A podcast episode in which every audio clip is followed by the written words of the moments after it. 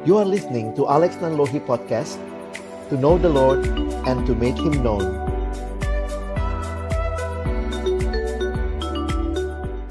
Pembicara kita pada hari ini yang akan menemani kita untuk uh, berbicara mengenai soft skill komunikasi yaitu pendeta Alex Nanlohi.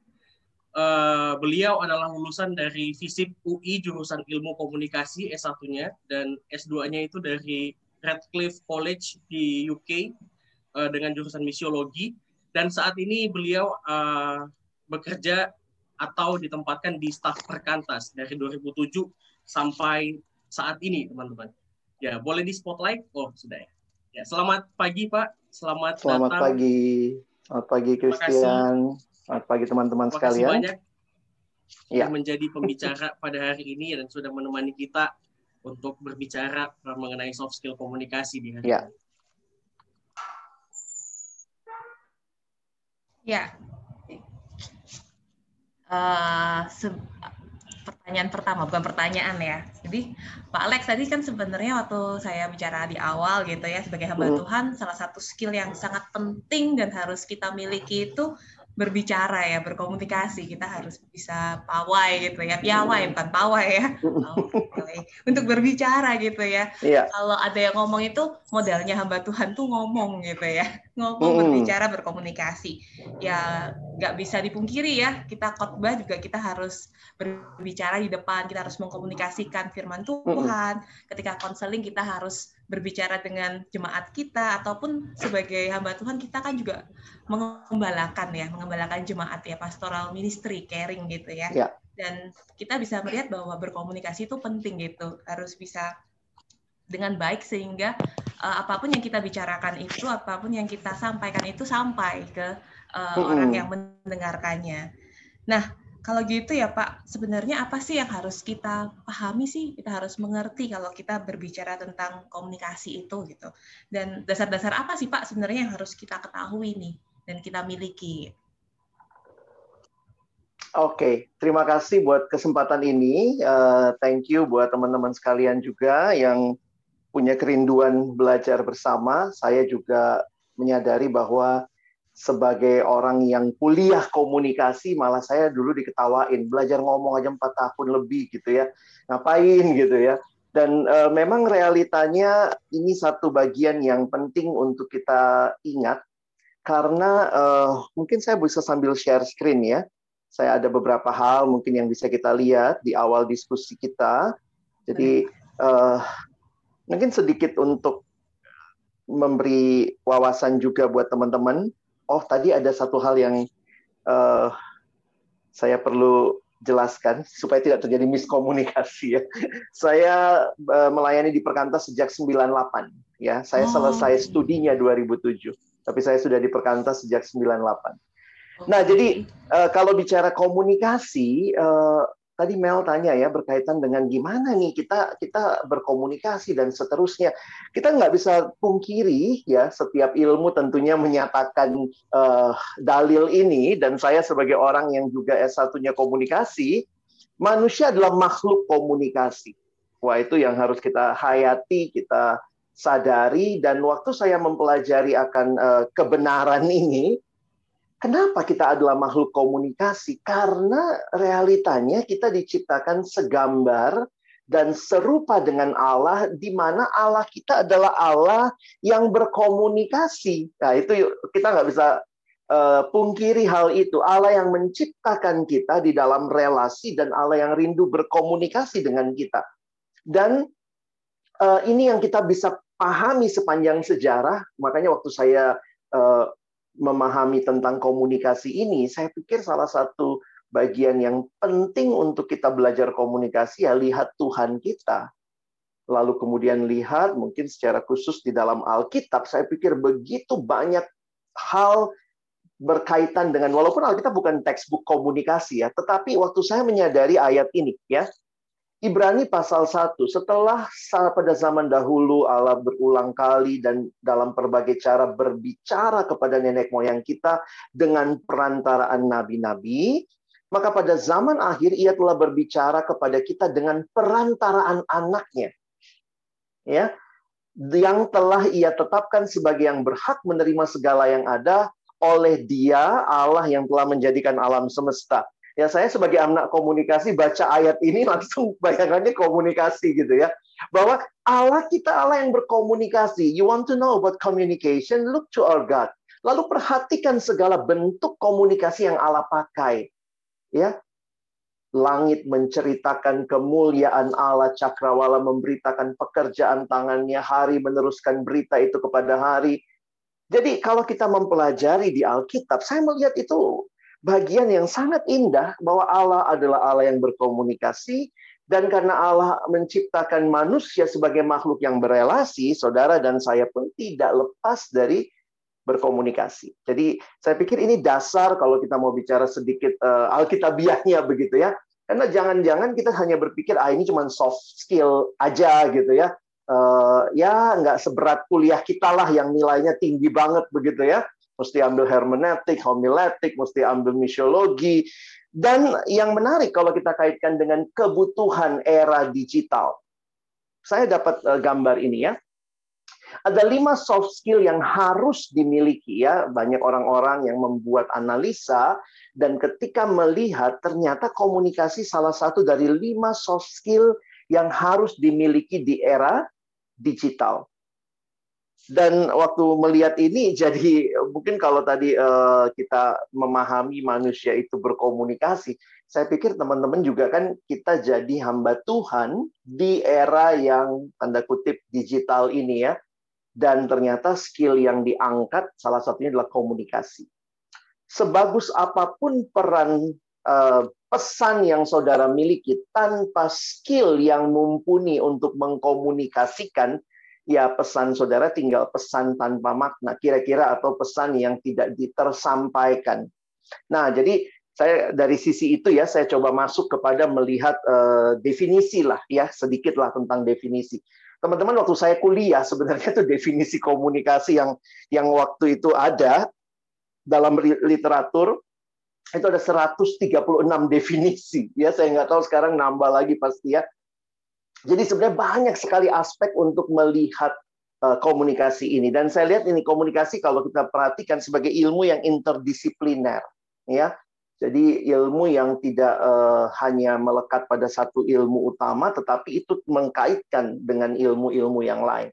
Karena itu ada yang melihat komunikasi dari sisi sosiologisnya, ada yang melihat dari sisi teknisnya, ada yang melihat dari sisi psikologinya. Makanya kalau belajar komunikasi teman-teman, saya ingat dulu ya mata kuliah kami itu unik-unik gitu. Eh, perkembangan teknologi komunikasi itu saya sudah pelajari dari tahun 90-an saya kuliah. Lalu belajar tentang misalnya komunikasi antar budaya. Terus ada lagi komunikasi internasional ada komunikasi politik, ada komunikasi uh, interpersonal. Jadi eh, komunikasi ini interdisipliner gitu ya. Makanya eh, definisinya pun ada 136 sekian dan uh, paling sederhana sebenarnya komunikasi adalah pertukaran pesan, ya. What is communication? Communication is an exchange of ideas, of feelings, or meaning between two or more persons. Beberapa definisi menambahkan dengan sebuah tujuan. Jadi ada yang memasukkan ada tujuannya dong, bukan cuma tuker-tukeran pesan aja begitu ya. Nah, jadi waktu mempelajari ini maka definisi teknis komunikasi biasanya di dalam gambar ini. Nanti teman-teman kalau senang bisa lihat-lihat lah ya banyak sekali. Saya ambil semuanya di internet kok. Ini bukan ilmu yang tersembunyi, hanya generasi tertentu atau orang tertentu yang tahu ya. Tidak, ini sesuatu yang accessible karena ini sebenarnya realita hidup. Jadi ada pengirim pesan yang kita sebut namanya sender dan sender itu mengirimkan pesan, biasanya kita sebut sebagai code begitu ya. Eh, eh, pesannya itu kemudian di encode masuk ke channel. Dalam channel ini ada kemungkinan barrier di situ, lalu kemudian nanti di decode, lalu kemudian sampai ke recipient penerima. Dan tentunya pesan komunikasi yang baik dua arah, maka ada feedback di mana orang itu kembali mengirimkan uh, pesannya, lalu itu di encode, masuk ke channel, lalu decode dan seterusnya. Nah, channel ini bisa macam-macam. Yang kalau bicara udara ini channel utama komunikasi kita. Makanya kalau ada angin, ya atau ada pernah nggak kita lagi ngomong saya ingat tuh dosen saya uh, beberapa kali kalau kami kuliah tiba-tiba ada aja pesawat lewat gitu ya ya apalagi kalau deket bandara gitu pesawat lewat ngel gitu ya kenceng banget bunyinya dosen saya tuh diem dia bilang sekeras apa pun saya teriak melawan suara itu useless. Jadi channelnya itu ada ada barriernya. Kita mesti hmm. sadar ya barrier-barriernya. Nah mungkin itu yang saya mau bagikan di bagian awal. Nah sedikit lagi, nah, ini buku-buku kalau kalian tertarik, ini dosennya dosen saya ya, yang menulis buku Communication and Human Behavior. Sekarang udah edisi ketujuh saya waktu kuliah kira-kira tuh edisi kedua apa ketiga ya. Dan ini kayak buku Bapak Jalaluddin Rahmat Psikologi Komunikasi. Jadi secara sederhana, teman-teman, ini saya perlu kasih tahu untuk kita bisa memahami karena tidak banyak kok yang berubah ya. Kalau bicara era digital itu cuma masalah medianya. Ya, walaupun juga the medium is the message at the same time itu sudah menjadi filosofi umum waktu kita bicara komunikasi, komunikasi sekarang ya. Tetapi yang paling dasar komunikasi itu ada dua bagian atau dua aspek. Ada aspek verbal, ada aspek non verbal. Nah, ini apa yang dimaksud? Sederhana verbal itu adalah komunikasi yang bentuknya disampaikan dari komunikator yang ngomong atau yang menyampaikan kepada yang disampaikan disebut komunikan dengan dua cara kalau mau gampang ya. Saya udah highlight di situ. Tertulis atau lisan. Jadi semua itu namanya komunikasi verbal ya. Dan non verbal itu meliputi ini yang tidak pakai kata-kata yang tertulis maupun yang lisan. Nah, itulah nonverbal. Hmm. Ya, jadi kalau Mel bisa lihat di sini ya, nonverbal itu gerakan isyarat. Jadi misalnya gini ya, uh, makanya saya saya tutup dulu mic saya, uh, ini saya ya. Contoh aja gini ya, hmm, saya tutup gini. Coba bisa lihat muka saya ya. Kalau saya begini, itu saya nggak usah bicara apa-apa, saudara tahu ya. Kalau dosen misalnya begini atau ada orang yang begini ke kamu, ya kita langsung lihat ada pesan yang disampaikan. Jadi tidak melulu verbal, tetapi non verbal. Dan memang kalau kita lihat ketika verbal dan non verbal ini bersama-sama disampaikan, saya pikir itu kekuatan komunikasi ya.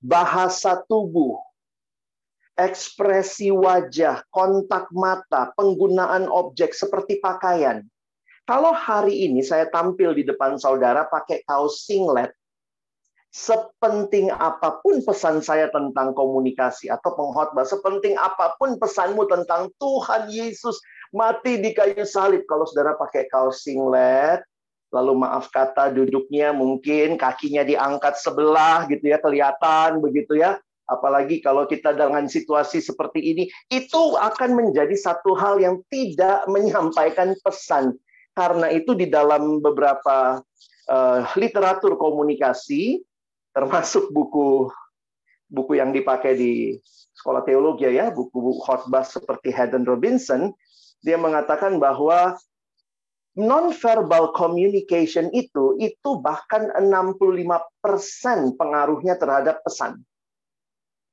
Verbal itu kadang-kadang cuma 35%. Ini menurut penelitian dari seorang ahli bernama Albert Mehrabian. Silakan cek di buku uh, cara berkhotbah uh, yang ditulis oleh Hayden Robinson di bab terakhir ya. Dia tuliskan satu bab khusus tentang uh, komunikasi atau bagaimana menyampaikan. Jadi masalah ekspresi wajah, masalah gerakan tubuh, masalah tinggi rendahnya nada suara, nah itu semua terkait dengan yang namanya non verbal. Nah, sebagai yang terakhir sebelum kita lanjut, saya melihat, nah verbal non-verbal inilah yang kemudian dilakukan baik secara langsung, ya kita langsung misalnya dalam pertemuan tatap muka, maupun pertemuan melalui media. Nah, pertemuan yang tidak langsung, yang sekarang ini melalui media, nah itu ada tergantung medianya apa. Apakah itu media massa, dan sekarang kita sudah lihat juga ada media-media sosial termasuk yang ada dalam era digital ini. Nah, sebenarnya tidaklah uh, berbeda. Ini hanya berbicara bagaimana perpanjangan menyampaikan pesan itu. Yang biasanya mungkin kita lihat melalui pertemuan langsung, tapi ketika mau disebarkan lebih luas misalnya, maka itu dibuat dalam uh, dikemas. Makanya teknologi, kalau teman-teman nanti perhatikan ya, teknologi itu apa sih? Sebenarnya paling sederhana, teknologi itu perpanjangan dari tubuh manusia. Itu definisi paling sederhana dari teknologi. Contohnya apa? Kacamata ini kan teknologi. Kacamata ini, kacamata ini perpanjangan mata, ya. Cangkul, cangkul itu perpanjangan tangan. Jadi kan kita nggak mungkin garuk-garuk tanah begitu. Kita ciptakan teknologi untuk menggali. Jadi nanti kalau teman-teman perhatikan, perhatikan Zoom ini apa? Zoom ini perpanjangan pertemuan kan? Makanya ini namanya Zoom meeting. Ini cocoknya untuk meeting. Makanya beberapa yang lain kalau Google dia menonjolkan classroom itu untuk belajar di kelas. Kalau Zoom ini memang buat meeting, ini buat kerja, buat kantor kira-kira begitu ya. Nah, hari ini kita pakai untuk uh, soft skill. ya. Jadi kita hari ini berzoom ya. Nah mungkin itulah kira-kira uh, tentang awalan waktu kita bicara apa sih komunikasi, aspek-aspek apa aja yang ada di dalamnya. Ya, jadi memang uh, sangat penting ya Pak ketika kita berkomunikasi begitu ya dan kita memang perlu memahami hal ini gitu.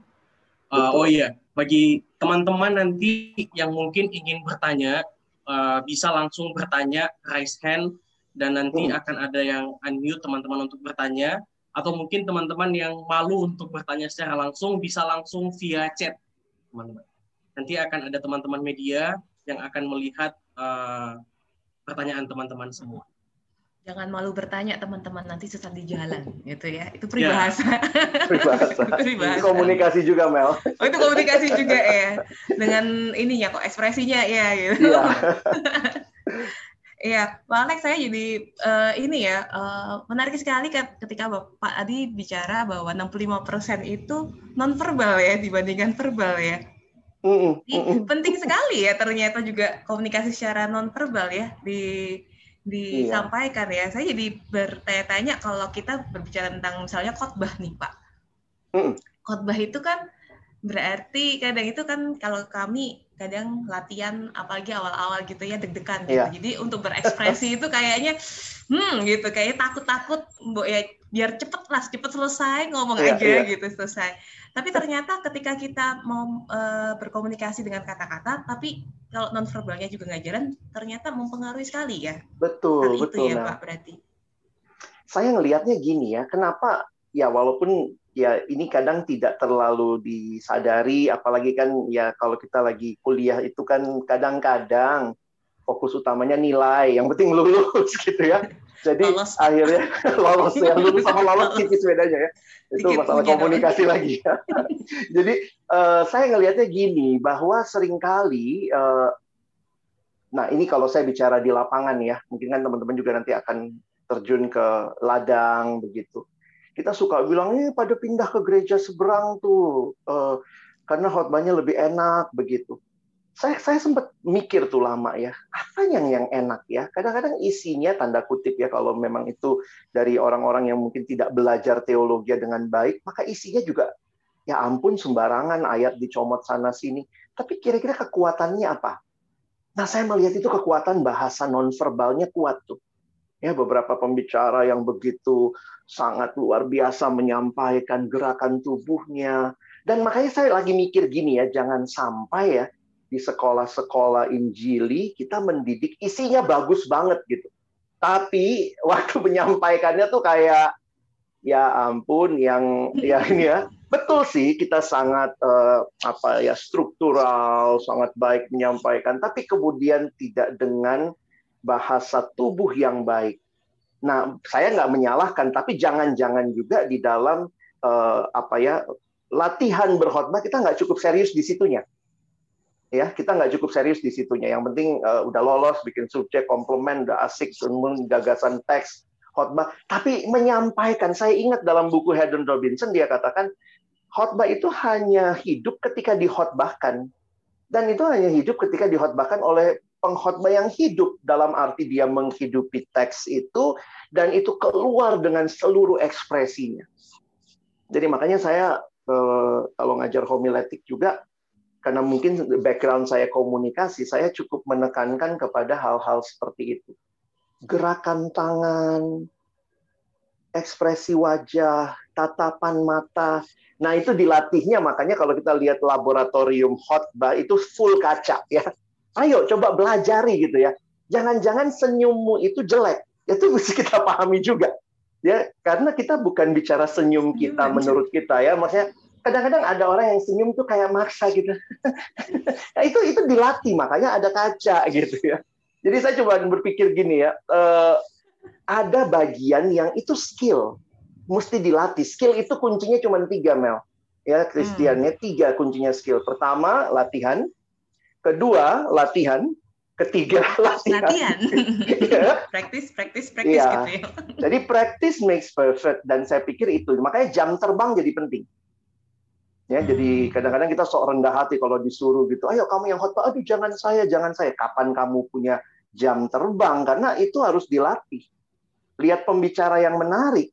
Seringkali itu bukan jadi dalam satu malam, ya, tetapi dia melalui proses. Mungkin itu, Mel.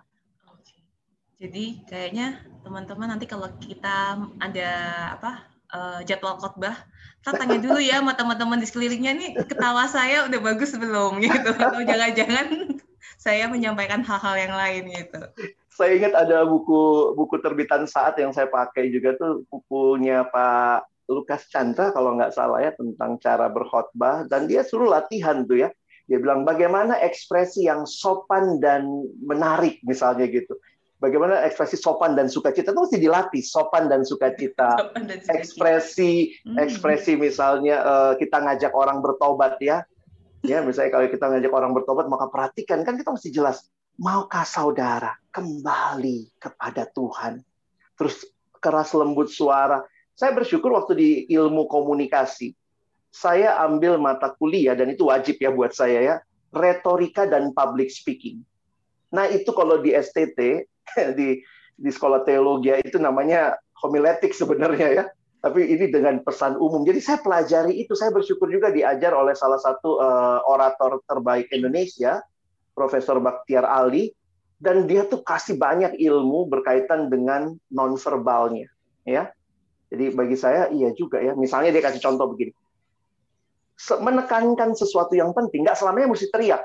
Ya, kalau kita hmm. orang-orang Injil kan supaya teriak, penting sekali Yesus sudah mati buat saudara. Dia bilang, coba tekankan itu dengan memberi suntikan tenaga pada gerakan tangan saudara, dan suara nggak selamanya harus tinggi, tapi bisa lembut ya. Yesus sudah mati bagi setiap kita. Wah, dia bilang dengan begitu tuh orang bisa melihat, iya ya, ini penting pesan yang disampaikan. Jadi itu itu semua skill harus dipelajari. I see. Saya jadi ingat juga sih Pak Pasot pernah ada yang bilang jemaat itu tahu loh uh, apa misalnya WL ataupun pekotbah itu benar-benar uh, mau menyampaikan dengan baik atau sebenarnya ingin cepat-cepat selesai. Cuma tahu biasanya katanya. Pengennya sih yang kedua ya, cepat selesai. Oke, okay. uh, eh, mungkin dari teman-teman dari saya mau ngomong jemaat salah. Dari teman-teman yang mau bertanya silahkan teman-teman. Kita um, teman-teman mau tanya langsung boleh mau raise hand uh, atau mau di chat uh, yang teman-teman ingin ketahui tentang komunikasi itu boleh langsung uh, ngobrol aja gitu. Maksudnya ngomong aja dan nanti kita akan uh, respon gitu Ya, mungkin Christian ada mau tambahan? Iya. Yeah. Nah, kalau tadi kan kita udah bahas nih tentang komunikasi, dasar-dasarnya komunikasi itu sangat penting begitu ya. Dan hmm. ada juga dasar alkitabiahnya. Namun Pak, uh, sering kali kita di dalam prakteknya kita tahu itu tidak mudah untuk kita lakukan. Gitu. Nah, contohnya, contohnya ketika kita mungkin berbicara atau kita berkomunikasi dengan orang-orang yang lebih tua dari kita. Entah itu nanti ketika kita terjun di dalam pelayanan, jemaat kah atau mungkin majelis atau mungkin pendeta hamba Tuhan yang lebih senior dari kita yang berbeda generasi dengan kita gitu. Nah, gimana tuh Pak kita menghadapi mereka gitu? Gimana cara kita untuk bisa berkomunikasi yang baik gitu dengan orang yang beda generasi dengan kita? Baik, saya coba share screen lagi ya, Christian sebentar ya. Ini untuk coba memberi beberapa wawasan lagi gitu. Jadi uh, apa sih yang namanya komunikasi yang nyambung? Mungkin ini dulu ya, kita kan nggak mau dong komunikasi terus nggak nyambung begitu. Maka di dalam istilah komunikasi ada yang namanya, uh, saya pakai bahasa teknis dulu ya, namanya frame of reference. Setiap kita jadi kalau kita membayangkannya, yang kita keluarkan itu dalam bentuk kata-kata atau mungkin kita tulis atau mungkin tercermin dalam bahasa tubuh, itu ada setiap kita pasti punya frame of reference. Frame of reference itu dibentuk melalui apa? Melalui berbagai hal ya. Paling paling dasar ya di dalam keluarga kita, lalu mungkin lebih jauh lagi dalam budaya kita, nanti masuk lagi ke dalam uh, pola pendidikan kita. Kamu S1, kamu S2, kamu mungkin sudah pernah S1, sekarang lagi ambil S2, kamu mungkin cuma uh, apa ya dari dari latar belakang yang jadi itu sangat kompleks. Setiap kita pasti punya frame of reference. Nah, di dalam kesadaran komunikasi sebenarnya ini jadi penting ya. Karena nyambung itu, nah saya coba pakai bahasa nyambung. Sesuatu itu dikatakan nyambung, kalau bahasa anak kita sehari-hari ya. Saya nyambung sama dia sebenarnya karena frame of reference-mu dan frames of reference dia itu banyak overlappingnya. Jadi kalau kalian lihat gambar ini, bagi saya ya ini mungkin tidak terlalu nyambung frame of reference-nya. Gambar ini menunjukkan yang satu dengan warna hijau, yang satu dengan warna orange, orange yang satu bahkan kayaknya menguasai komunikasinya, percakapan. Sementara lihat gambar berikut. Nah, ini yang namanya nyambung. Nyambung itu ketika ada bahasa yang atau framework-nya dia dan framework saya waktu overlapping, ternyata wilayah overlap-nya tuh besar entah bahasa yang dipakai sama, budayanya sama. Nah, ini semua yang saya harus ingatkan buat kita hamba-hamba Tuhan, ingat betul bahwa kita harus punya kepekaan terhadap perbedaan frame of reference. Kenapa saya lebih nyambung sama sesama anak saat misalnya? Ya karena saya pelayanannya ke mahasiswa, waktu kami persiapan dengan Mel, dengan Christian ngobrol, ada Pak Budi juga frame of reference-nya paling tidak saya nggak lagi bicara sama anak yang tanda kutip ya lulusan TK.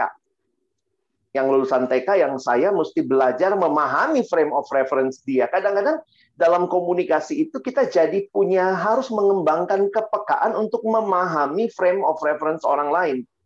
Sebelum kita merasa nyambung atau tidak. Makanya kalau ada orang ngomong, gue tuh nggak nyambung sama dia. Kenapa nggak nyambungnya? Ada berarti frame of reference yang berbeda. Itu secara teknisnya dijelaskannya begitu. Nah, jadi balik kalau kepada pertanyaannya Christian, di gereja nanti ataupun sekarang kalau teman-teman praktek, kita mesti sadar betul, milikilah kepekaan frame of reference, di mana frame of reference itu pun di dalam setiap individu itu beda-beda. Ada majelis tua, udah tua, udah uzur, tapi gaul banget sama penginjil muda yang praktek tuh deket, bisa mengayomi, tapi ada anak pemuda sama penginjil praktek itu kayak musuh gitu ya. Mau jago-jagoan siapa yang lebih tahu Alkitab begitu. Jadi ini kan kadang-kadang saya pikir bukan masalah tua mudanya saja. Ya, bukan masalah tua mudanya saja. Nah, teman-teman, mari kita memiliki kepekaan lah. Saya pikir di dalam kita bicara gambar diri, buat kita yang ada di dalam Tuhan, dengan apa yang Tuhan karyakan, manusia baru kita, saya pikir kita pun perlu memiliki uh, apa ya mungkin pakai istilah kerendahan hati lah untuk belajar. Nah, salah satu yang paling penting, walaupun ini pembagian yang saya sangat sadar betul ya, ini terlalu umum sih pembagian-pembagian ini ya, tetapi kita perlu punya awareness terhadap generasi yang ada di dalam gereja. Di mana generasi-generasi ini, memang studi tentang generasi ini kan banyak mengacu ke barat ya bersyukur kayak bilangan research juga sudah coba membuat dalam konteks Indonesia. Tapi memang yang banyak diteliti adalah generasi Y, generasi Z, sekarang Alpha. Tapi kadang-kadang kita lupa gitu ya. Majelisnya masih mungkin baby boomers gitu ya. Terus kemudian ada lagi yang berpengaruh di gereja, orang dari generasi yang berbeda. Sehingga kita perlu punya kepekaan generasi. Paling tidak kita memahami bahwa setiap generasi mungkin punya frame of reference umum yang berbeda. Apa sopan menurut generasi X? Apa sopan menurut generasi Alpha? Itu bisa jadi beda. Perlu nggak? Ya, saya saya karena saya kan pernah di daerah juga, lalu sekarang di Jakarta. Itu biasanya kalau nganter undangan pernikahan di daerah tuh nggak boleh dikirim. Mesti datang sendiri tuh nganter. Datang ya Mel ya. Datang ngasih, terus kemudian mesti ngobrol-ngobrol sebentar. Itu kan masalah frame of reference. Masalahnya adalah siapa yang mau berkomunikasi Kadang-kadang kan kita mikir, ah enggak lah, nggak mau datang ya udah gitu kira-kira ya. Tapi kalau kita lagi komunikasi sama yang tua, nah seperti itu. Demikian juga yang tua ke yang muda, saya pikir juga harus sama. Jadi jangan cuma yang yang tua minta dimengerti, tapi yang muda juga jangan merasa dia yang harus dimengerti. Jadi perhatikan pola komunikasinya di mana pola komunikasi generasi berikutnya kalau kita lihat ya ini sudah mulai banyak masuk kepada kepada komunikasi melalui media. Jadi ini juga jadi hal-hal yang harus kita aware ya. Komunikasi lewat media mungkin ya kita saya nggak bahas ini teman-teman bisa lihat uh, survei dari ini ya. Saya biasanya ambil dari APJII Asosiasi uh, pengguna jasa internet Indonesia, mereka punya laporan yang terakhir sudah keluar yang 2021. Sehingga ini nih yang di, di gereja kadang-kadang terjadi nih ya, yang saya sedih ya. Ini nih, generasi mana yang terbaik? Ah, memang anak sekarang itu tidak ada sopan santunnya. Yang yang anak sekarang bilang ini yang tua, cuman tahunya menghakimi. Jadi ketika ada ketidaksinkronan ini, dan menurut saya ini masalah karakter ya dan apa ya dosa lah ya kalau kita bahas bahaya kesombongan menerasi, menerasa generasi kita yang terbaik. Kita tuh saling membutuhkan.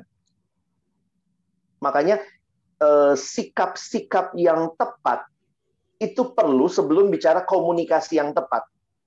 Ini yang saya lihat ya kayak masalah sikap hati, nggak merasa sombong, tidak merasa. Jadi kita berharap kita berkata kenapa yang tua ini menilai kita nggak sopan? Jangan-jangan kita juga menilai mereka nggak ngerti kita. Tapi kita pada saat yang sama nggak mengerti mereka juga. Makanya ini harus apa ya sambung rasa itu untuk membuat bahasa yang dipakai juga nyambung gitu. Nah jadi ada satu kalimat yang menarik ya. Kalau ini biasanya kepada kami yang tua-tua ya, saya biasanya katakan sama yang tua-tua di gereja, yang namanya berkomunikasi dengan generasi sekarang, yang namanya Y, Z, Alpha, itu kayak kita jadi misionaris lintas budaya. lintas budaya benar. Iya, Kenapa? benar juga ya, Pak. ya. Coba lihat misionaris yang datang, ada nggak di saat yang masih dari orang bule datang, apa yang dia perlu lakukan pertama? Belajar bahasa. Bahasanya itu beda. Hmm. Saya bingung dulu, dulu waktu itu saya bingung ya ada anak remaja kirim sama saya, Koko GWS. Waktu itu baru mulai ya, saya nggak tahu tuh apa GWS. Itu zaman tahun 90-an ya, waktu awal-awal orang pakai GWS, GBU, God bless you. Akronim ya, Pak. Bingung saya, ini bahasanya apa nih? Padahal saya belum jauh banget dengan mereka. Nah sekarang kan bahasa-bahasanya sudah lebih berbeda lagi. Jadi ini kesimpulan saya sih ini. Pemahaman dan pengenalan yang dalam akan generasi itu akan menolong kita menentukan bagaimana berkomunikasi dengan tepat. Apa kontennya, terus bagaimana konteksnya, bahkan kontainernya. Tepat nggak ya ngomong via WA? Tepat nggak ya kalau WA pakai huruf besar semua? Kan kadang-kadang kita nggak nggak sadar gitu, yang sana terima marah-marah gitu. Ini nggak sopan. Nah itu saya kadang-kadang bingung ya hati-hati nih kita karena berbagai pola bentuk komunikasi kita langsung bilang ini nggak sopan nih masa dia kirimnya huruf besar semua? Nah itu jadi pergumulan lah. Kita mesti sadar itu saya pikir Christian itu memang jadi temptation sih Pak. Kadang kalau ngelihat orang-orang chat ya, uh, hurufnya besar. Temptationnya adalah ini orang kenapa sih ngejudge langsung gitu. Hurufnya besar, jadi pertanyaan tuh jadi huruf besar semua. Nih kenapa harus huruf iya. besar gitu. Tapi anak remaja unik lagi. Saya melayani remaja tuh yang dia dulu ya waktu zaman-zaman itu, waktu SMS itu terbatas, nggak ada spasinya. Oh iya bener. Tanggung semua pernah nggak ngalamin kayak gitu? Itu kan bentuk-bentuk 150 kata. 150 kata, Pak. Sekarang kan udah bisa copy paste panjang, tapi ada masanya jadi memang menarik tuh memperhatikan pola komunikasi. Oke. Okay. Uh, eh, ini sebenarnya ada beberapa pertanyaan, tapi mereka shy-shy semua sih, Pak. Jadi personal gitu. Silakan, nggak apa-apa. Kalau bisa ditanya, silakan. Iya. Uh, nah, ini ada pertanyaan mungkin kembali lagi ke yang awal tadi Pak yang ya, kita iya, bicara boleh. tentang komunikasi. Nah, jadi ini katanya dari anonim aja gitu ya. Jadi saat pandemi sekarang ini mungkin banyak di antara kita yang kesulitan mendapat jadwal, dengan demikian iya. kesulitan untuk menambah jam terbang gitu. Iya. Nah, apakah ada tips tentang bagaimana berlatih dan mengevaluasi secara pribadi dengan iya. kesulitan yang demikian? Hmm. Ya sebenarnya kan selalu ada jalannya. Pak, Pak Budi langsung saya siap buat jatuh. Tapi di sisi lain gini ya, saya lihat juga ada beberapa teman yang mungkin memang itu passion juga ya. Misalnya ya dia upload di medsos, ya dengan teratur membuat misalnya uh, khotbah-khotbah yang singkat, khotbah 7 menit, satu menit pembukaan, lima menit isi, satu menit penutup, dengan membuat seperti itu kan sebenarnya kita ter, terlatih ya. Kita upload, mungkin kalau kita bikin grup sesama teman, ini khotbah saya 7 menit. Coba perhatikan apa yang kurang, apa yang baik, begitu. Jadi eh, coba ciptakan. Jadi jangan tunggu kesempatan. Orang yang bijaksana bukan menunggu, tetapi menciptakan kesempatan. Jadi bisa kok. Ya, coba bikin klub aja kalau teman-teman rasa iya, saya kok punya talenta itu sebulan sekali misalnya kirim naskahnya eh, jadi diminta nggak diminta ya nggak apa-apa itu masuk bank naskahmu kan. Kalau di jemaat nanti hmm. mesti khotbah tiap minggu sekali seminggu dua kali aja udah pusing tuh kalau ada bank naskah kan sebenarnya terlatih. Mungkin itu. Itu sekalian buat itu Tian. Apa tujuh menit sekali kata Pak Alex. Kami kan ada kesaksian tujuh menit sekali. Teman-teman oh. mungkin boleh dipakai. Ya? Betul. Bisa jadi benar, latihan benar. tuh itu gimana modelnya direkam atau langsung live begini? Oh, kesaksian live Pak biasanya. Oh, Tapi ada yang rekam juga sih beberapa teman gitu. Cuma ada yang live kesaksian. Gitu. Mm -mm. Uh, Pak ada pertanyaan lagi karena ini mundur lagi ya Pak tentang khotbah karena apa, mungkin kita tadi meng apa uh, ngobrolin ya tentang khotbah itu ada yang tanya. Bentar, ini pertanyaannya cukup panjang.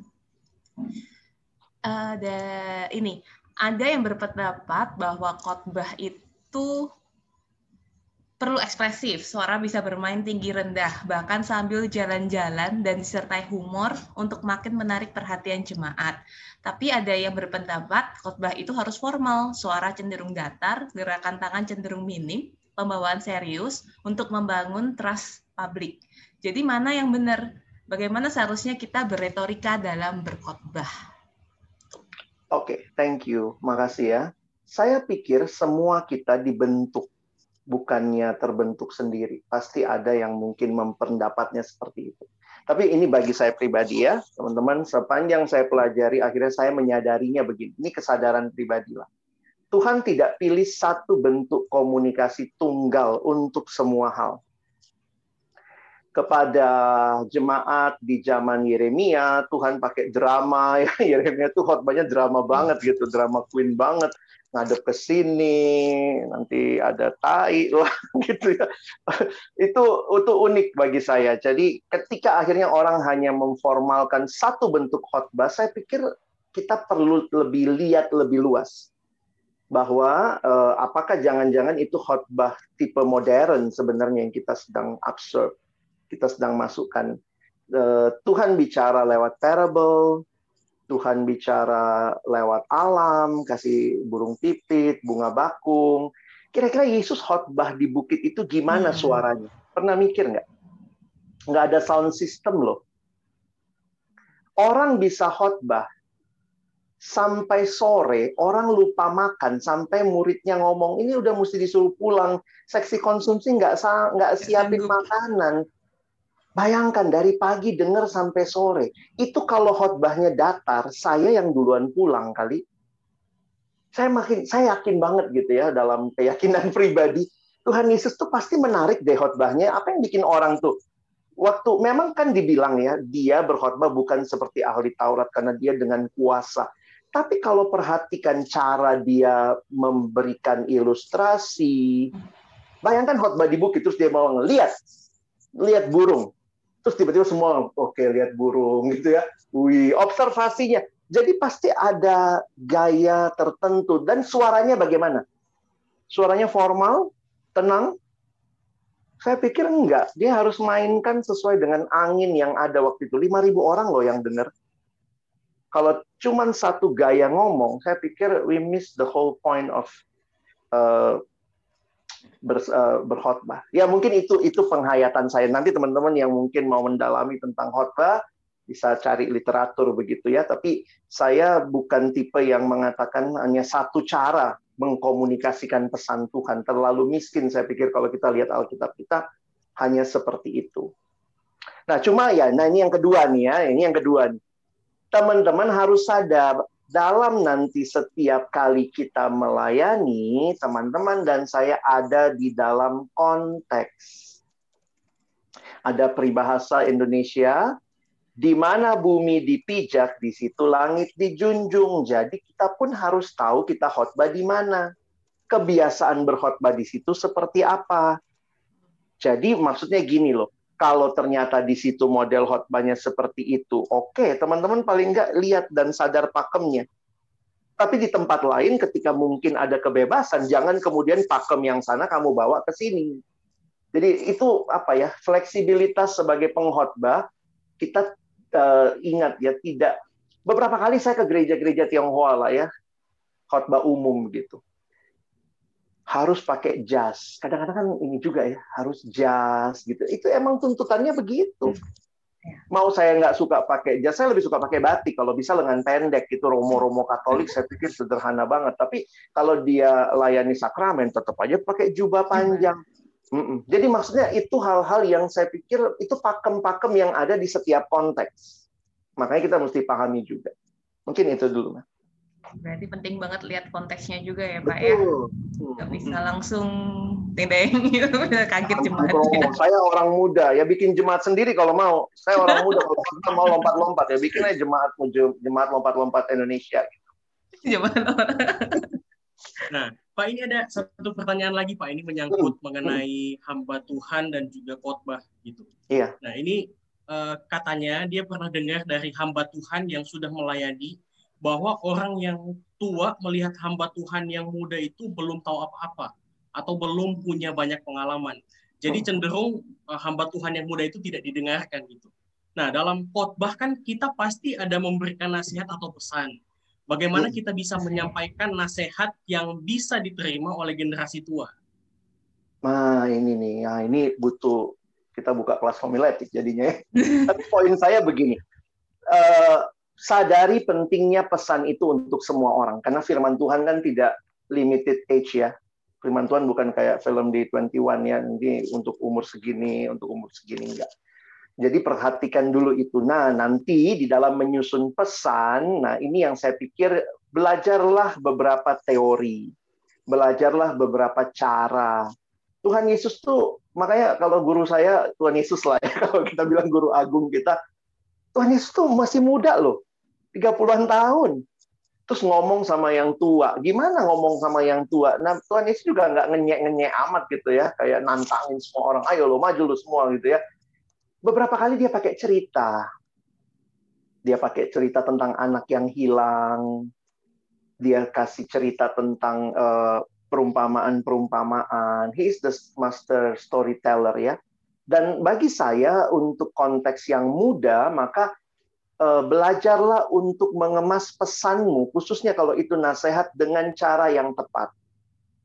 Tentu di sini juga penting ya kita nanti uh, Makanya teman-teman nggak ada no simple answer lah untuk pertanyaan ini ya. Karena bagi saya juga begini.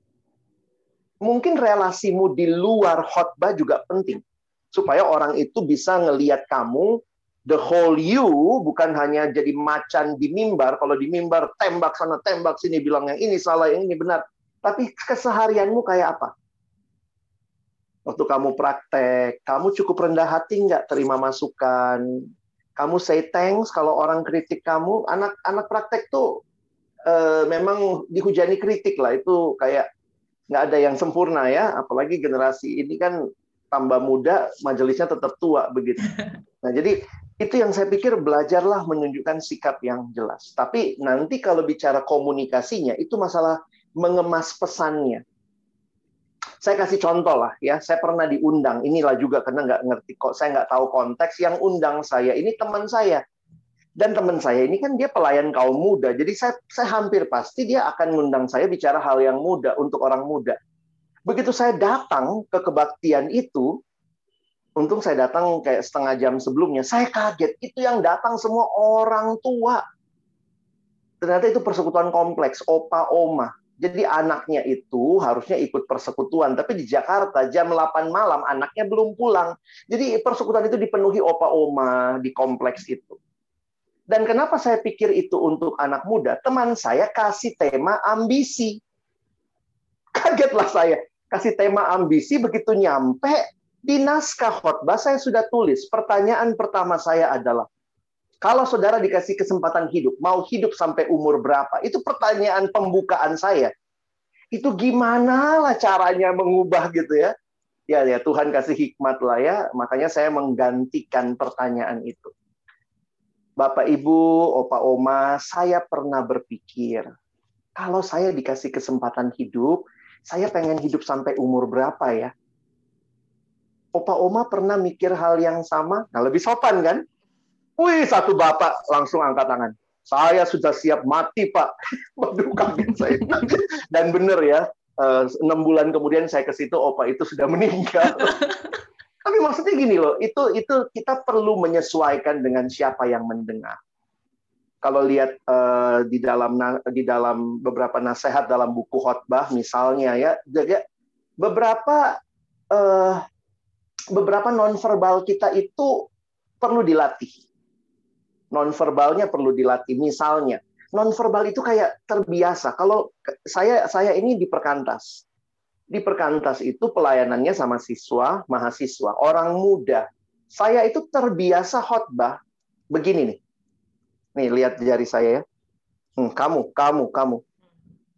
Nah, itu saya diajarin waktu pelajari tentang psikologi orang yang lebih dewasa, maka nggak boleh begini kalau khotbah sama orang tua di gereja Tionghoa apalagi kamu hati-hati dari mimbar kamu begini dari bawah ada yang langsung hmm, mati kamu ya. Nah, makanya bagaimana caranya adalah begini ya. Kalau kita nah itu begini. Nah, itu kan semua dipelajari dan saya mesti mengevaluasi diri karena kayak kayak udah terbiasa karena anggaplah setahun saya khotbah sama orang muda begini-begini di remaja pemuda eh tiba-tiba dapat di umum. Oh, langsung begini tangannya gitu ya dilatih. Jadi gitu kali Tian ya, nggak nggak ada isi answer tapi ya it's a process. Harus latihan terus berarti ya Pak. Betul. Practice makes perfect melihat situasi konteks gitu ya. Sama terima masukan kalau orang misalnya yang lihat kamu ya, belajar juga minta masukan. Nanti dari situ saya pikir akan mengembangkan diri kita. Oke. Ada pertanyaan lagi nggak, Tian?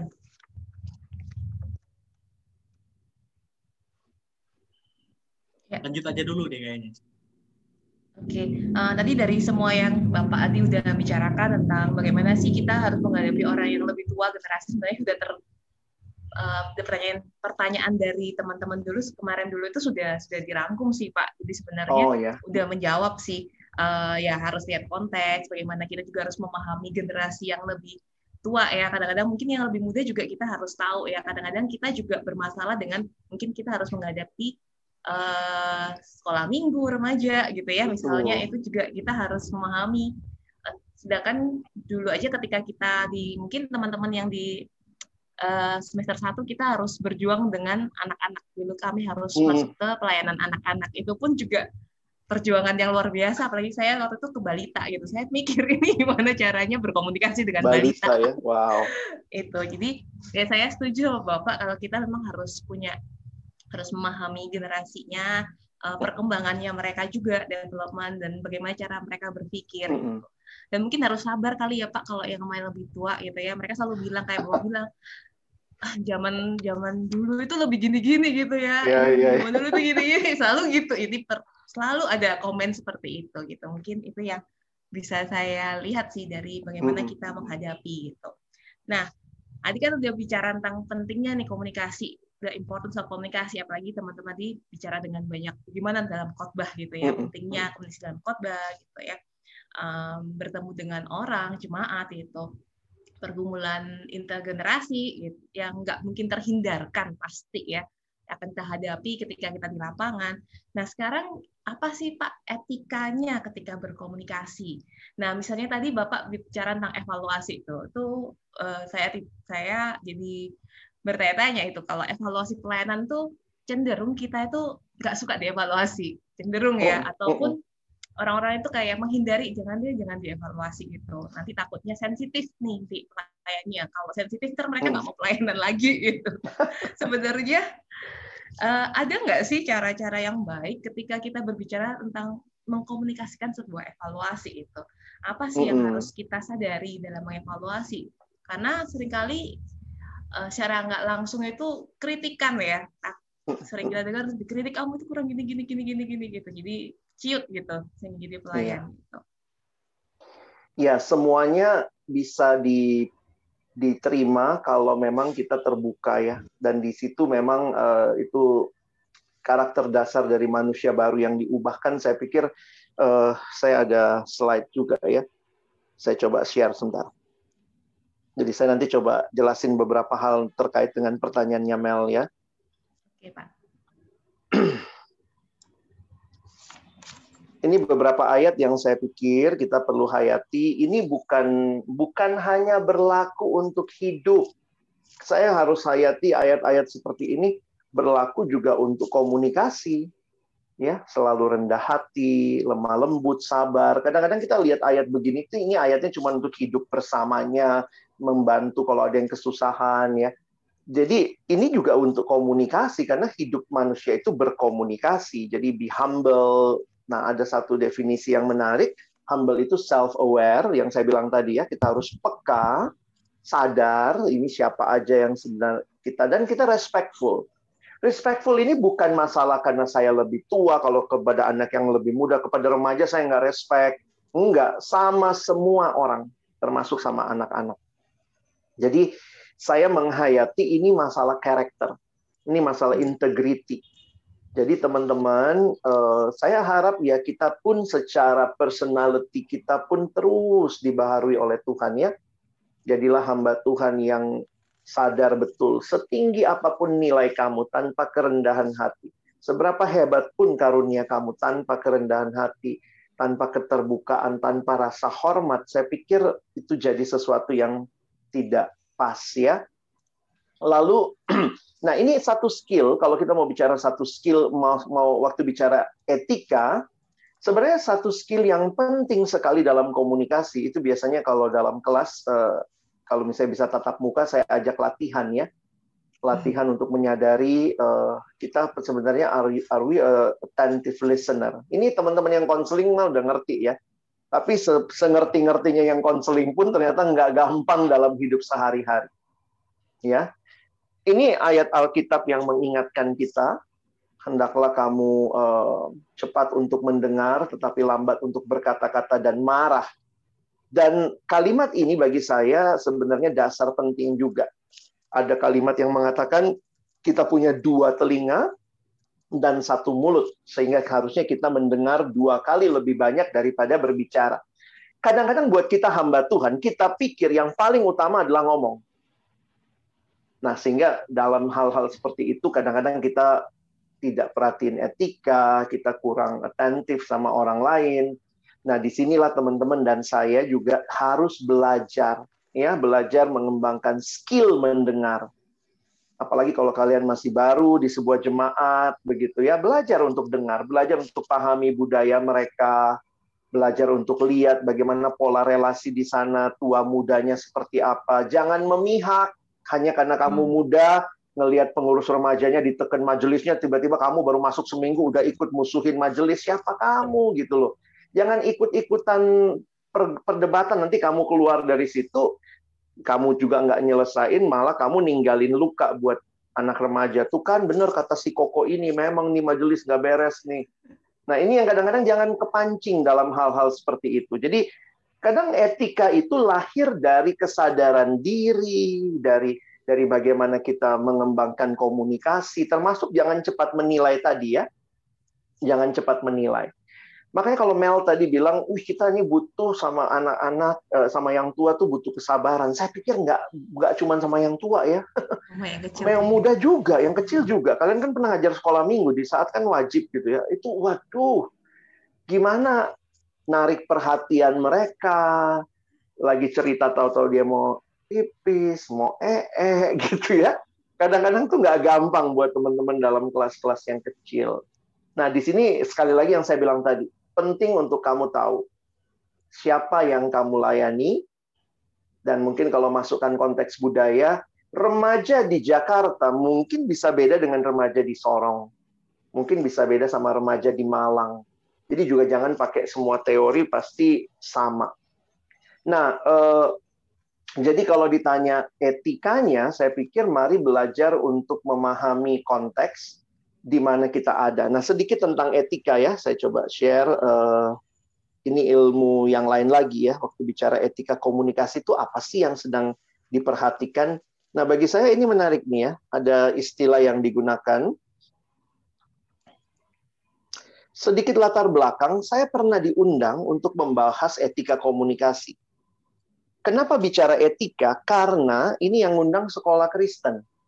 Karena anak-anak SMP nggak tahu beretika, nggak punya etika katanya berkomunikasi sama guru, ya. Nah, sehingga waktu saya siapkan materi ini ada satu bagian yang saya dapatkan gitu ya. Nah, ini tambahan lagi. Tujuan kita berkomunikasi kepada lawan bicara kita adalah dua hal. Betul, yang pertama tadi kita menyampaikan pesan. Tetapi kita juga berkomunikasi untuk menjalin hubungan sosial kalau cuma sekedar nyampein pesan, mungkin etika nggak terlalu penting. Walaupun juga nggak tahu ya, tergantung kepada siapa. Tapi karena teman-teman kita berkomunikasi itu juga menjalin hubungan sosial, maka jangan cuma pikirin penyampaian pesannya. Nah ini kan tadi penyampaian pesan gitu. Tetapi ketika kita tahu pesan itu penting, maka konteks kedua dengan strategi hubungan sosial, maka di sini kita butuh nih kesopanan, ungkapan implisit, penghalusan istilah. Nah, ini dalam hubungan sosial itu eh, perlu dipikirkan. Nah, dalam etika ini dikatakan yang terkait ya. Nah, ini misalnya. Faktor peran dan hubungan. Dia majelis, kamu mahasiswa praktek. Dia majelis, kamu hamba Tuhan dia kepala sekolah, kamu guru. Nah, itu semua kan ada ada hal-hal dalam hubungan sosial sedekat apa pun saya misalnya dengan Pak Budi misalnya. Ya saya harus di depan orang manggilnya Bapak. Walaupun mungkin saya biasanya manggil Ko Budi misalnya. Saya nggak bisa ngomong itu karena ini ada kaitan dengan etika di mana kita hadir. Usia juga begitu faktor uh, stratifikasi sosial. Nah, tentu bukan berarti kita membeda-bedakan orang kaya, miskin, dia uh, terpandang nggak terpandang, tetapi stratifikasi, uh, stratifikasi sosial ini menolong kita untuk membahasakan penyebutan dan segala hal berkaitan dengan hal-hal seperti itu. Nah, jadi sekali lagi kalau saya lihat etika menjadi hal yang penting karena kita bukan hanya mau menyampaikan pesan, tetapi di dalamnya kita bicara soal membangun sebuah hubungan. Dan karena itu harus ada uh, etika yang dari asal kata etos begitu ya yang berarti karakter, watak, kesusilaan atau adat kebiasaan. Mungkin uh, secara sederhana seperti itu dulu. Oke. Pak Alex. Saya jadi melihat tuh konteks penting, terus sekarang ditambah menjalin sosial, menjalin hubungan sosial. Yang satu belum okay. belum selesai dipikirin, ditambah lagi. Tapi memang benar sih Pak. Uh, saya kalau melihat ketika kita berbicara tentang uh, kita sebagai orang uh, orang percaya lah ya orang Kristen kita memang harus mempunyai relasi kan sosial yang baik gitu ya. Jadi ketika kita berkomunikasi kita juga harus memikirkan bagaimana menjalin relasi itu dengan baik gitu sama orang-orang di sekitar kita itu bukan sekedar cuman say hi bye gitu ya. Tapi lebih dari itu gitu. Mel, sorry Mel, ada Alkitab kah Mel di sana? Oke. Okay. Kalau ada Alkitab boleh baca sedikit uh, ayat Kolose 4. Kolose 4 ya. Ayat ayat 5 ya, ayat 5 dan 6. Kolose 4 ayat 5 dan 6. Ayat ya, 5 dan 6. Hmm.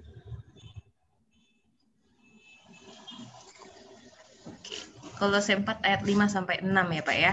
Saya ya. bacakan, hiduplah dengan penuh hikmat terhadap orang-orang luar pergunakanlah waktu yang ada.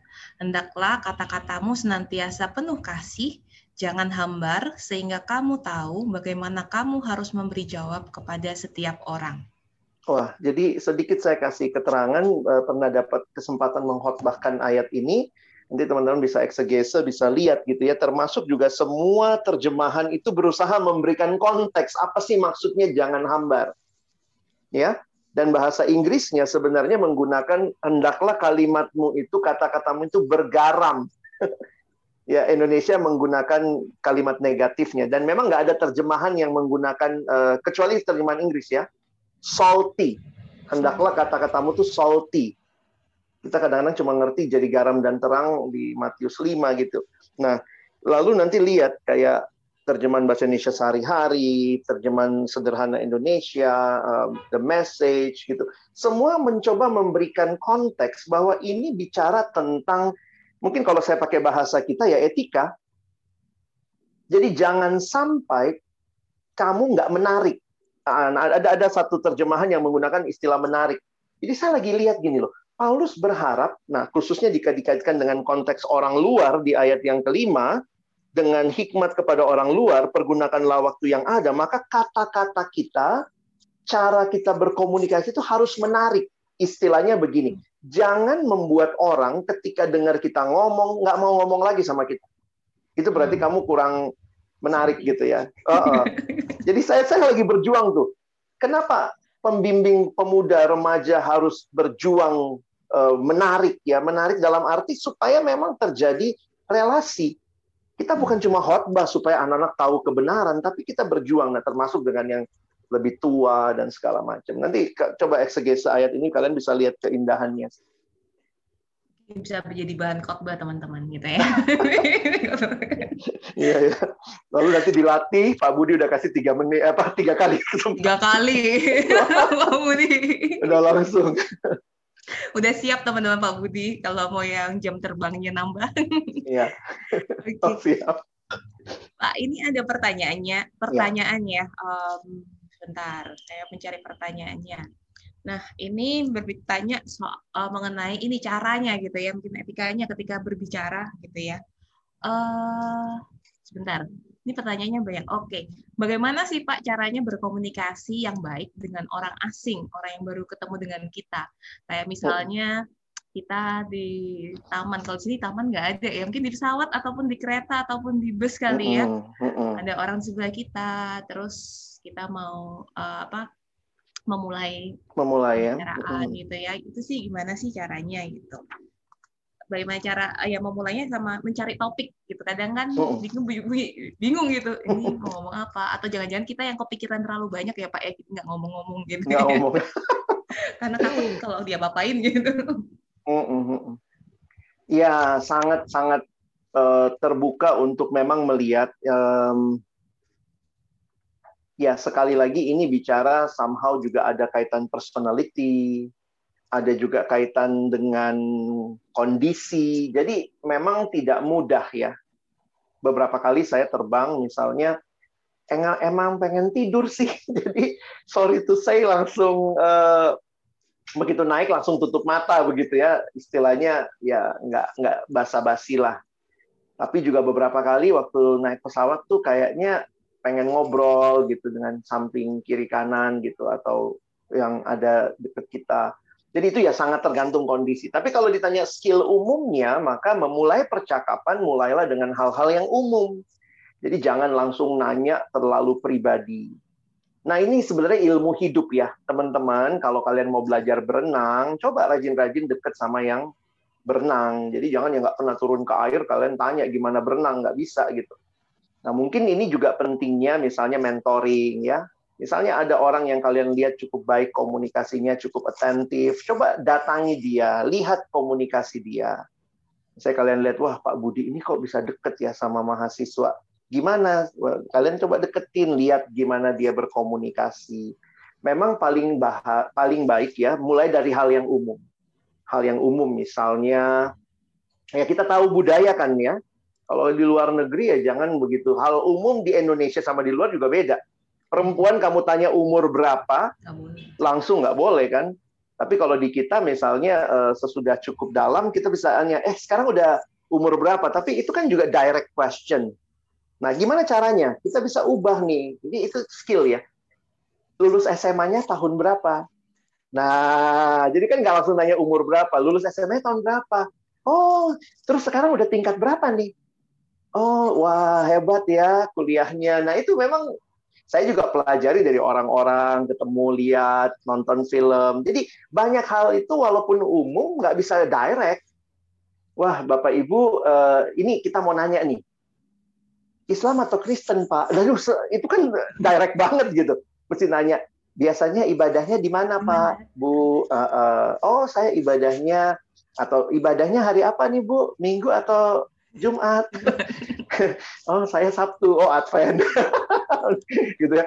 Nah, jadi itu sebenarnya pola-pola berkomunikasi. Nah, nanti kemudian sebenarnya kalau kita bicara komunikasi yang dalam, ingat uh, prinsip yang saya katakan tadi, ada overlapping persembahan sedekah. ya Pak, benar ya. Uh, overlapping itu terjadi ketika teman-teman dan dia misalnya bicara bahasa yang sama. Jadi kalau udah bicara bahasa yang sama, misalnya, wah, uh, Bapak traveling berapa kali nih kalau kita misalnya di pesawat atau apa ya? Wah ini sering traveling dong Pak ya. Oh enggak Pak, saya ini pas tugas aja. Wah, wah tugasnya sampai ke daerah Pak ya. Oh iya biasanya ke daerah tuh stay berapa lama gitu. Jadi sebenarnya kita kembangkan aja percakapan dari situ. Kita probing lagi, probing lagi sampai mungkin dia bilang, "Oh, tugas saya biasanya kasih uh, pembinaan untuk anak-anak remaja." Oh, gitu. Wah, saya juga tertarik tuh, Pak. Terus kita bisa gali sebenarnya, ya. Sebenarnya di dalam komunikasi yang baik, orang itu sebenarnya senang untuk ditanyain. Nah, ini logikanya tergantung gimana nanyanya. Karena asumsinya sebenarnya seseorang itu senang untuk self disclosure kalau dia dapat hal yang nyaman dan dia merasa dia expert dalam bidang itu. Wah, Pak, saya pernah saya kesulitan tuh Pak ngobrol sama anak remaja. Wah, Bapak ini kan keliling Indonesia katanya pembinaan buat remaja. Boleh tahu nggak Pak gimana sih caranya? Ada tips apa Pak? Nah, kalau dia udah senang tuh dia bisa cerita. Kalau dengan orang tua, misalnya ibu engkong, emak, opung gitu, opa, oma. Wah, oma ini sendiri nih habis kunjungin cucu. Lalu kemudian kalau orang tua tanyanya apa? Ya tanya hal yang kira-kira dia suka. Misalnya cucunya berapa? Oh, yang paling tua seperti apa? Nanti kita akan lihat. Nah, ini umumnya ya. Kalau dia nggak punya kepahitan sama keluarga, orang tua tuh seneng ceritain keluarganya. Oh, anak saya yang pertama, Dulu Oma kerjanya apa? Oh, saya dulu di kantor pemerintah, saya sekretarisnya gubernur. Oh, hebat ya.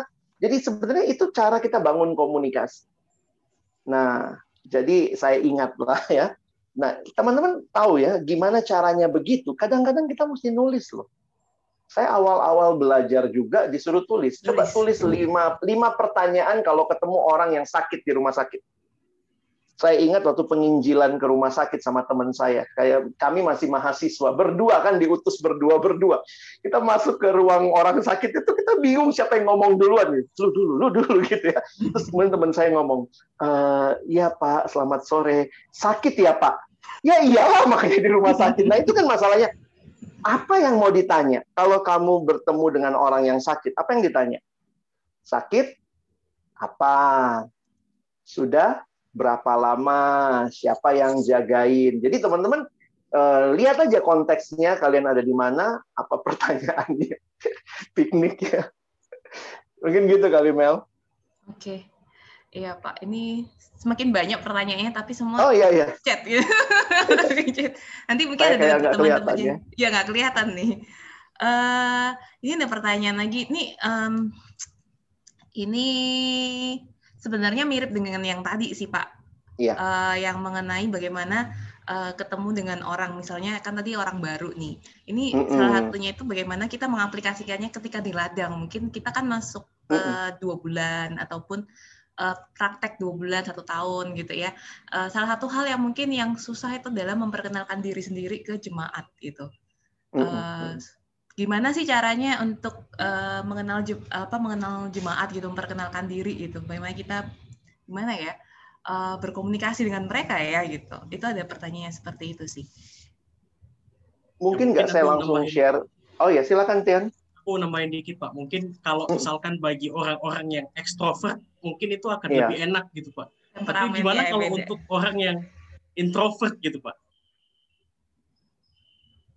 sebenarnya kan tipe kepribadian seperti itu, ekstrovert, introvert itu bukan penghalang komunikasi.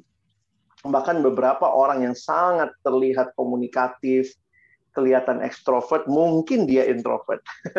karena itu dia tidak kasih kesempatan orang ngomong. karena dia nggak mau dirinya terbuka. Saya ketemu beberapa yang seperti itu. Jadi bagi saya sebenarnya barriernya bukan itu. Nah kalau kita sekarang bicara skill ya, saya nggak lagi bahas tipe kepribadian, dilatih latihnya itu coba menulis pertanyaan. Teman-teman, uh, Tuhan Yesus itu banyak bertanya. Saya juga jadi kagum tuh sama Tuhan Yesus ya. Dia banyak bertanya. Dan waktu dia bertanya itu, dia bukannya bertanyanya nggak tulus ya. Dia benar-benar nanya dan menimbulkan diskusi, kira-kira begitu. Dan pertanyaannya itu membukakan wawasan. Makanya ada yang bilang begini, the good question um, opens uh, people's heart. Jadi pertanyaan yang baik itu sehingga di dalam nah ini kalau buat teman-teman yang konseling sudah belajar ya, membuat draft pertanyaan, membuat draft proposal penelitian gitu atau mungkin mau survei itu tuh dipikirin tuh pertanyaan yang kira-kira kalau saya tanya lebih tepat kata apa atau mengapa. Nah, itu kan itu semua skill bisa dilatih. Nah, tapi kemudian memang buat saya kalau kita bicara tipe-tipe orang, mungkin kamu juga bisa dengan teman ya cari teman yang mungkin bisa menolong kamu mengekspresikan diri kamu uh, ya kalau itu berkaitan sama diri ya saya pikir kalau kalian pas diutusnya sendiri ya mari belajar bangun hubungan sosial yang sederhana lah paling tidak dengan mentormu pendetanya atau mungkin ada majelis yang ditugaskan mengurus kamu jadi kita pun sadar ya, kita nggak sanggup membangun dengan semua orang. Tetapi paling tidak kita bisa bangun dengan orang-orang yang ada relasi dengan kita. Dan secara umum tunjukkanlah keterbukaan untuk mau berelasi. Saya pikir itu itu penting ya. Maksudnya uh, walaupun ini masalah bahasa tubuh ya.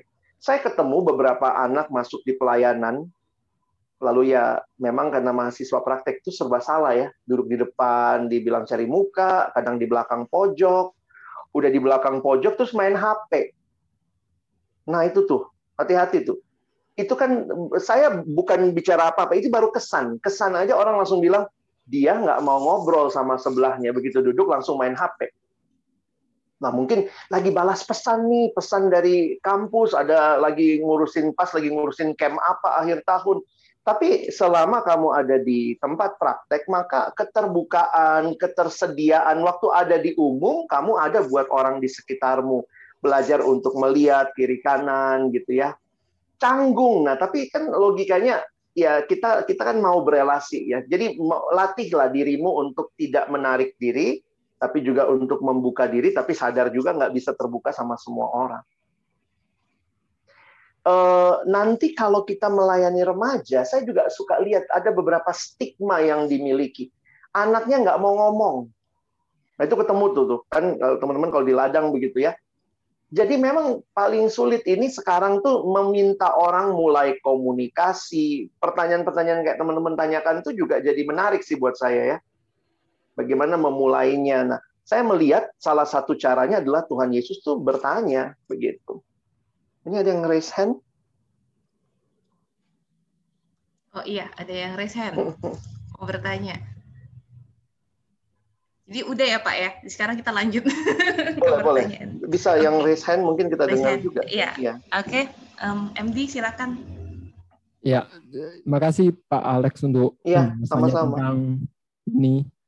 Uh, saya tadi terkait dengan frame of reference itu ya. Mm -mm. Uh, kira-kira apakah berarti ada komunikasi yang benar? Jadi komunikasi benar ini maksud saya apa komunikasi itu selalu perlu menyesuaikan atau mengembangkan frame of reference itu uh, atau mungkin saya bisa katakan bisa menyesuaikan bisa bahasa kata-kata begitu. Atau ada batasan dari frame of reference ini yang tak boleh dilompati pak. Jadi kita boleh mengembangkan itu sedemikian rupa tapi memang pada ada satu hal yang atau ada beberapa hal yang tidak boleh dilompati Nah, kalau misalnya ada atau uh, bagaimana itu apa ya Pak Gagi? Um, ya, thank you pertanyaannya, Michael. Um, itu sangat teknis sebenarnya ya. Tapi juga saya melihatnya gini, komunikasi ini seni, bukan ilmu pasti yang eksak ada step by stepnya. Kadang-kadang juga dalam banyak hal saya pikir Tuhan bisa menolong kita skip the step. Tuhan bisa bekerja lah ya ketika misalnya waktu terbatas, kita nggak punya frame of reference yang sama dengan orang itu, tapi ternyata bisa masuk dalam percakapan yang mendalam. Makanya ada orang yang bisa tuh PI dalam perjalanan naik pesawat satu jam kepada orang yang sama sekali asing. Tapi ada dari kita yang mungkin dalam waktu itu cuma sanggup ngobrol doang gitu ya, sampai kepada nanya tujuan hidup. Mungkin ada yang seperti itu. Jadi saya tetap melihat eh, kalau ditanya stepnya, maka memang ini bicara tentang uh, keterbukaan kita. Karena begini, bayangkan kalau kamu pergi ke banyak tempat, ke banyak kota. Kalian misalnya praktek sebulannya di Makassar, nanti eh, praktek dua bulannya Makassar, nanti praktek ininya di Pekanbaru, nanti praktek ininya di Jakarta. Jadi teman-teman juga harus punya kesadaran bahwa frame of reference itu banyak gitu. Dan itu yang saya bilang tadi, salah satunya culture, budaya di mana di sini bebas banget gitu ya jam kerjanya jam kantornya nggak mesti masuk ke gereja yang di sini. Itu semua frame of reference ada aturan yang dibuat segala macam. Jadi sebenarnya keterbukaan kita untuk belajar apa yang jadi frame of reference di tempat di mana kita hadir. Nah eh, dan sebenarnya tidak ada frame of reference yang plek-plek akan sama. Persis itu keniscayaan lah nggak mungkin karena pasti kita mau orang kembar pun pasti punya eh, hal-hal uh, yang mungkin banyak sama tapi pasti ada bedanya. Nah, kesadaran kita memang tidak selamanya kita bisa me merijus perbedaan. Tetapi mungkin dalam logika sederhana, mari tingkatkan persamaan itu, karena di situlah nanti kita akan bicara bahasa yang sama. Buat kalian yang lompat-lompat pelayanan, misalnya ya, saya ketemu teman-teman yang Eh, di pemerintah iya, di Kristen iya, itu kadang-kadang berbahasa juga bingung ya. Ada beberapa bahasa yang khas Kristen. Iya ya, aku senang banget dia Tuhan percayakan jiwa-jiwa. Kamu ngomong di kantor umum jiwa-jiwa, wih, ngeri banget jiwa gitu. Itu kan bahasa kita. Nah jadi uh, sebenarnya saya nggak melihatnya sebagai sebuah step yang bagaimana, tetapi lihatlah sebagai proses belajar dan dalam proses belajar itu ya eh, apa yang memang kita bisa ya maksimalkan gitu. Tapi ada hal-hal yang tetap memang beda dan kita nggak bisa menuntut orang sama dengan kita. Sedikit tentang konflik, ya. Sebenarnya konflik itu apa sih? Berarti kan frame of reference-nya clash dan tidak ada yang mau ngalah, tidak ada yang belajar menerima satu sama lain. Makanya dalam salah satu definisi komunikasi dari 136 itu, saya senang dengan satu definisi ya. Definisi itu bilang begini, komunikasi adalah sebuah upaya mengurangi ketidakpastian. Oke, okay? komunikasi adalah upaya mengurangi ketidakpastian. Bayangkan begini, kamu ada di dalam sebuah ruangan, dan kemudian di ruangan itu ada AC, lalu kemudian AC-nya nyala. Anggaplah kamu dari luar ruangan, kamu masuk ke ruangan itu, di dalamnya duduk teman-temanmu di kelas. Lalu kamu bisa ber, bisa dua hal kamu lakukan. Mengurangi ketidakpastian, kamu bisa lakukan komunikasi. Tapi bisa juga terjadi, sering kali yang terjadi bukan komunikasi, tapi asumsi. Misalnya, kayaknya teman-teman kedinginan deh. Jadi saya tanpa komunikasi, saya masuk, saya matiin tuh AC. Kenapa? kayaknya teman-teman, jadi saya berasumsi, harusnya nggak begitu. Yang benar bagaimana? Komunikasi. Teman-teman, dingin atau panas nih? Coba yang dingin angkat tangan, yang panas angkat tangan, ketahuan tuh. Nah, di dalam banyak hal dalam relasi antar personal, kita tuh cenderung, orang Kristen apalagi ya, cenderung sekali berasumsi. Kayaknya dia begini deh. Harusnya dia tahu dong dia kan majelis, harusnya dia dia kan mahasiswa praktek, harusnya. Jadi kita selalu berasumsi dengan sebenarnya itu juga frame of reference kita. Nah makanya saya bilang tadi perlu kerendahan hati untuk melihat ternyata nggak semua orang frame of reference-nya sama sama kita. Dia malah asumsinya kalau kamu mahasiswa praktek, kamu yang datang duluan dong. Yang satu bilang lah, kalau kamu mahasiswa praktek, saya majelis, kamu dong yang datangin saya. Siapa yang punya tempat di sini? Ya kalau kamu yang ini, kamu yang sambut saya dong. Nah itu kan kalau bayangkan kalau itu terjadi asumsi, sering kali konflik itu harus diselesaikan. Ini asumsinya apa dan apa yang sudah dikomunikasikan. Jangan-jangan waktu dikomunikasikan semuanya punya frame of reference yang berbeda. Nah, jadi itu sangat tergantung konteks ya. Ini ada Bima. Iya. Uh, ada yang resen. Silakan ya. Bim. Terima kasih Kak Alex. Masih di Manado, uh, Bim? Bima di Manado tadi? Iya, masih Kak. Oh, di rumah? Oh, oke. Okay. Di rumah. Iya, Kak. Uh, saya mau bertanya ke Alex. Sebelumnya sekali lagi terima kasih untuk uh, pemaparannya. Nah, uh, saya mau membahas tentang salah satu pernyataan dari Jonathan Edwards gitu, Kak Alex. Mm -hmm. Jadi kurang lebih begini ya. Kita kan sebagai penginjil yang memberitakan Injil begitu kan, dan uh, kita melihat Injil ini sebagai sebuah realitas rohani begitu Kak Alex. Nah, saya ingin meminta pendapat Kak Alex mengenai pernyataan dari Jonathan Edwards ini yang menyatakan bahwa ketika kita menyampaikan realitas rohani, maka pesan dari realitas rohani ini akan kurang kuat jikalau kita bandingkan ketika kita menyampaikan sesuatu yang bersifat indrawi, Kak Alex. Hmm. Jadi bisa disimpulkan begini, ketika kita uh, tanpa sesuatu yang indrawi, maka maka sesuatu yang rohani ini akan sulit masuk ke dalam diri pendengar. Dalam kasus kita sebagai penginjil, yaitu berita Injil ini begitu. Yaitu ketika kita berkomunikasi tentang ini kan rohani gitu, apalagi di masa-masa postmodern seperti ini, hal-hal yang abstrak itu agak sulit diterima walaupun memang masih ada orang yang menerima begitu. Nah, bagaimana ya kita berkomunikasi dan juga uh, melihat ini semua sebagai seorang hamba Tuhan gitu, Kak Alex? Iya, um, mungkin kalimat pernyataan saya sama seperti yang tadi ya. Ada ada cara Tuhan yang melampaui proses komunikasi kita yang sangat indrawi, yang sangat eh, dan bagi saya proses kelahiran baru itu sesuatu yang melampaui penjelasan logis dan teknis. Karena apa ya? Realitanya begini. Um, kita kan tidak bisa me, me, apa ya, menuliskan dengan dengan sistematis semua pengalaman rohani kita dalam bahasa yang hanya kita mengerti dalam indrawi kita. Itu harus kita sadari karena buat kita realita yang uh, rohani itu juga melampaui indera kita. Misalnya waktu kita berbicara tentang pengalaman kita menikmati dan percaya pada karya Kristus di kayu salib. Kan Roh Kudus membawa kita masuk ke dalam menghayati karya itu bagi kita sekarang.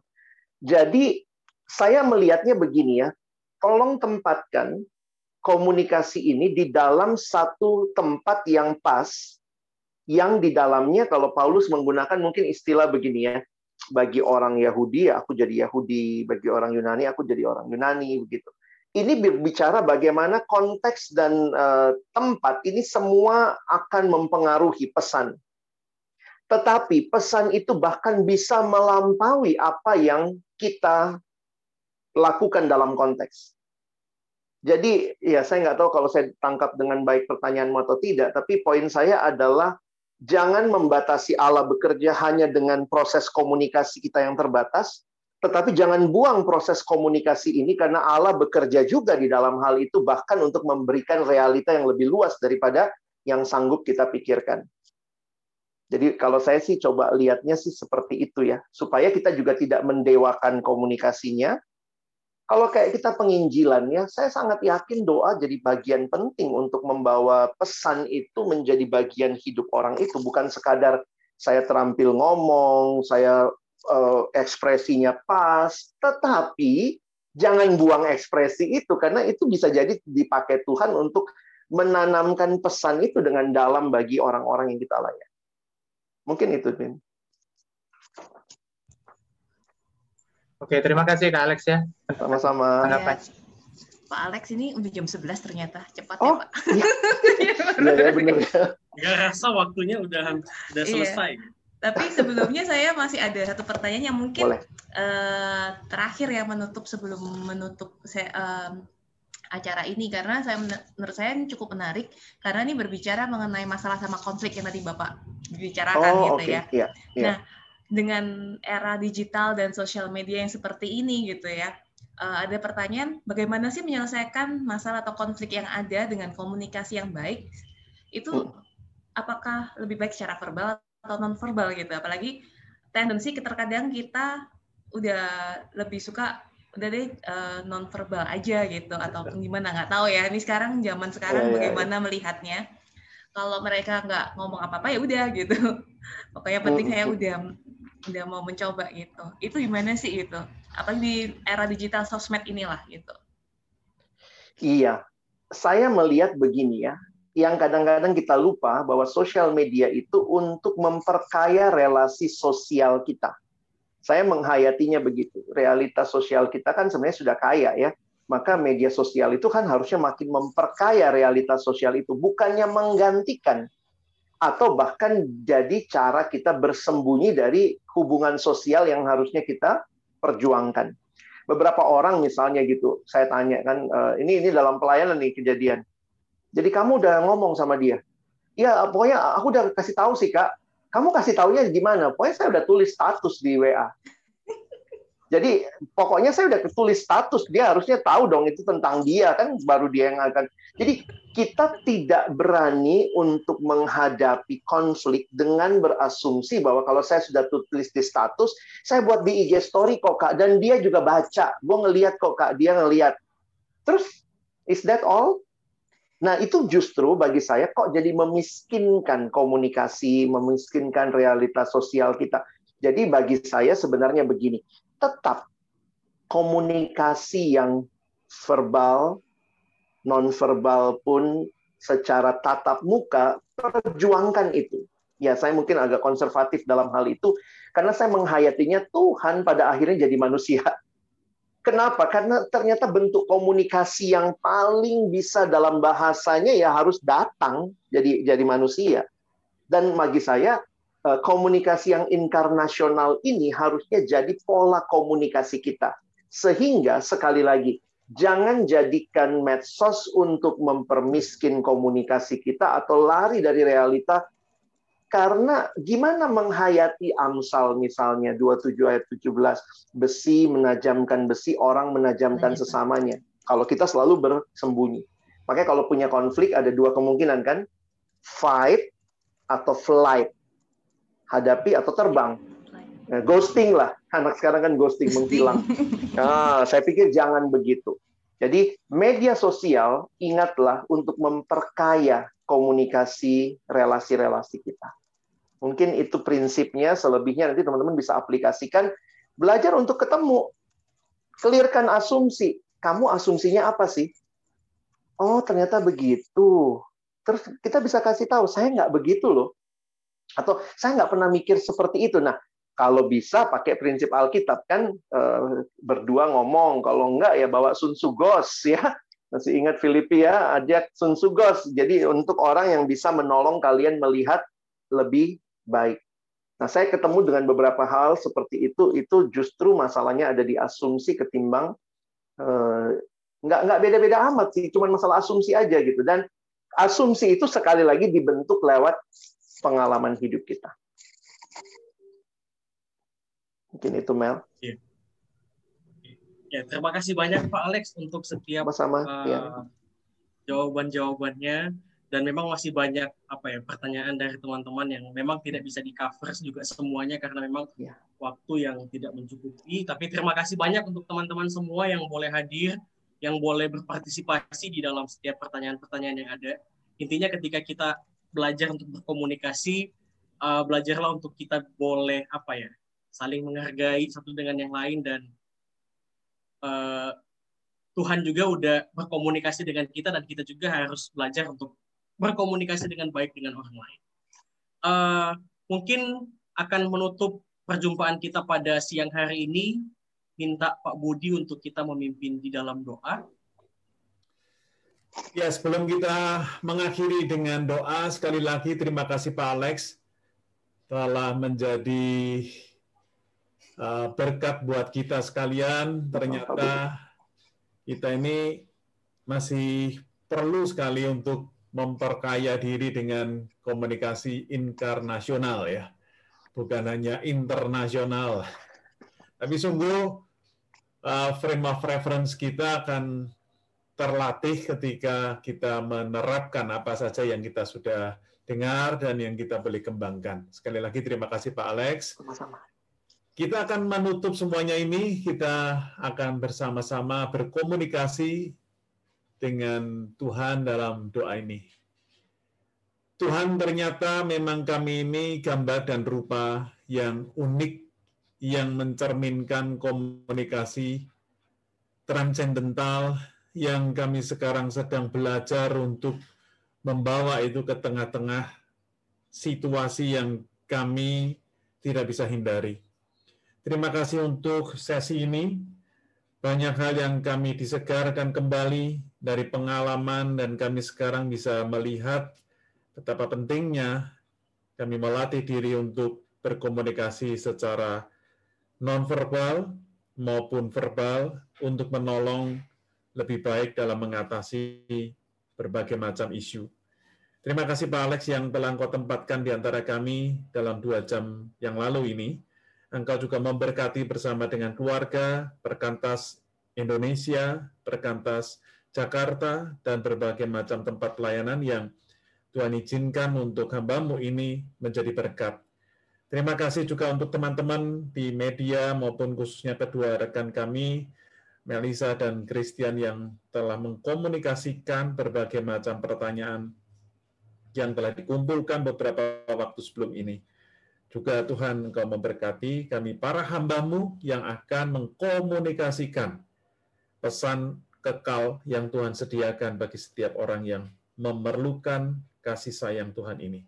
Di dalam nama Tuhan Yesus Kristus, kami akhiri soft skill ini biar meningkatkan bukan hanya keterampilan kami menyampaikan, tetapi kami memang diubahkan oleh karena pesan yang kami telah terima. Di dalam nama Kristus semuanya ini. Amin.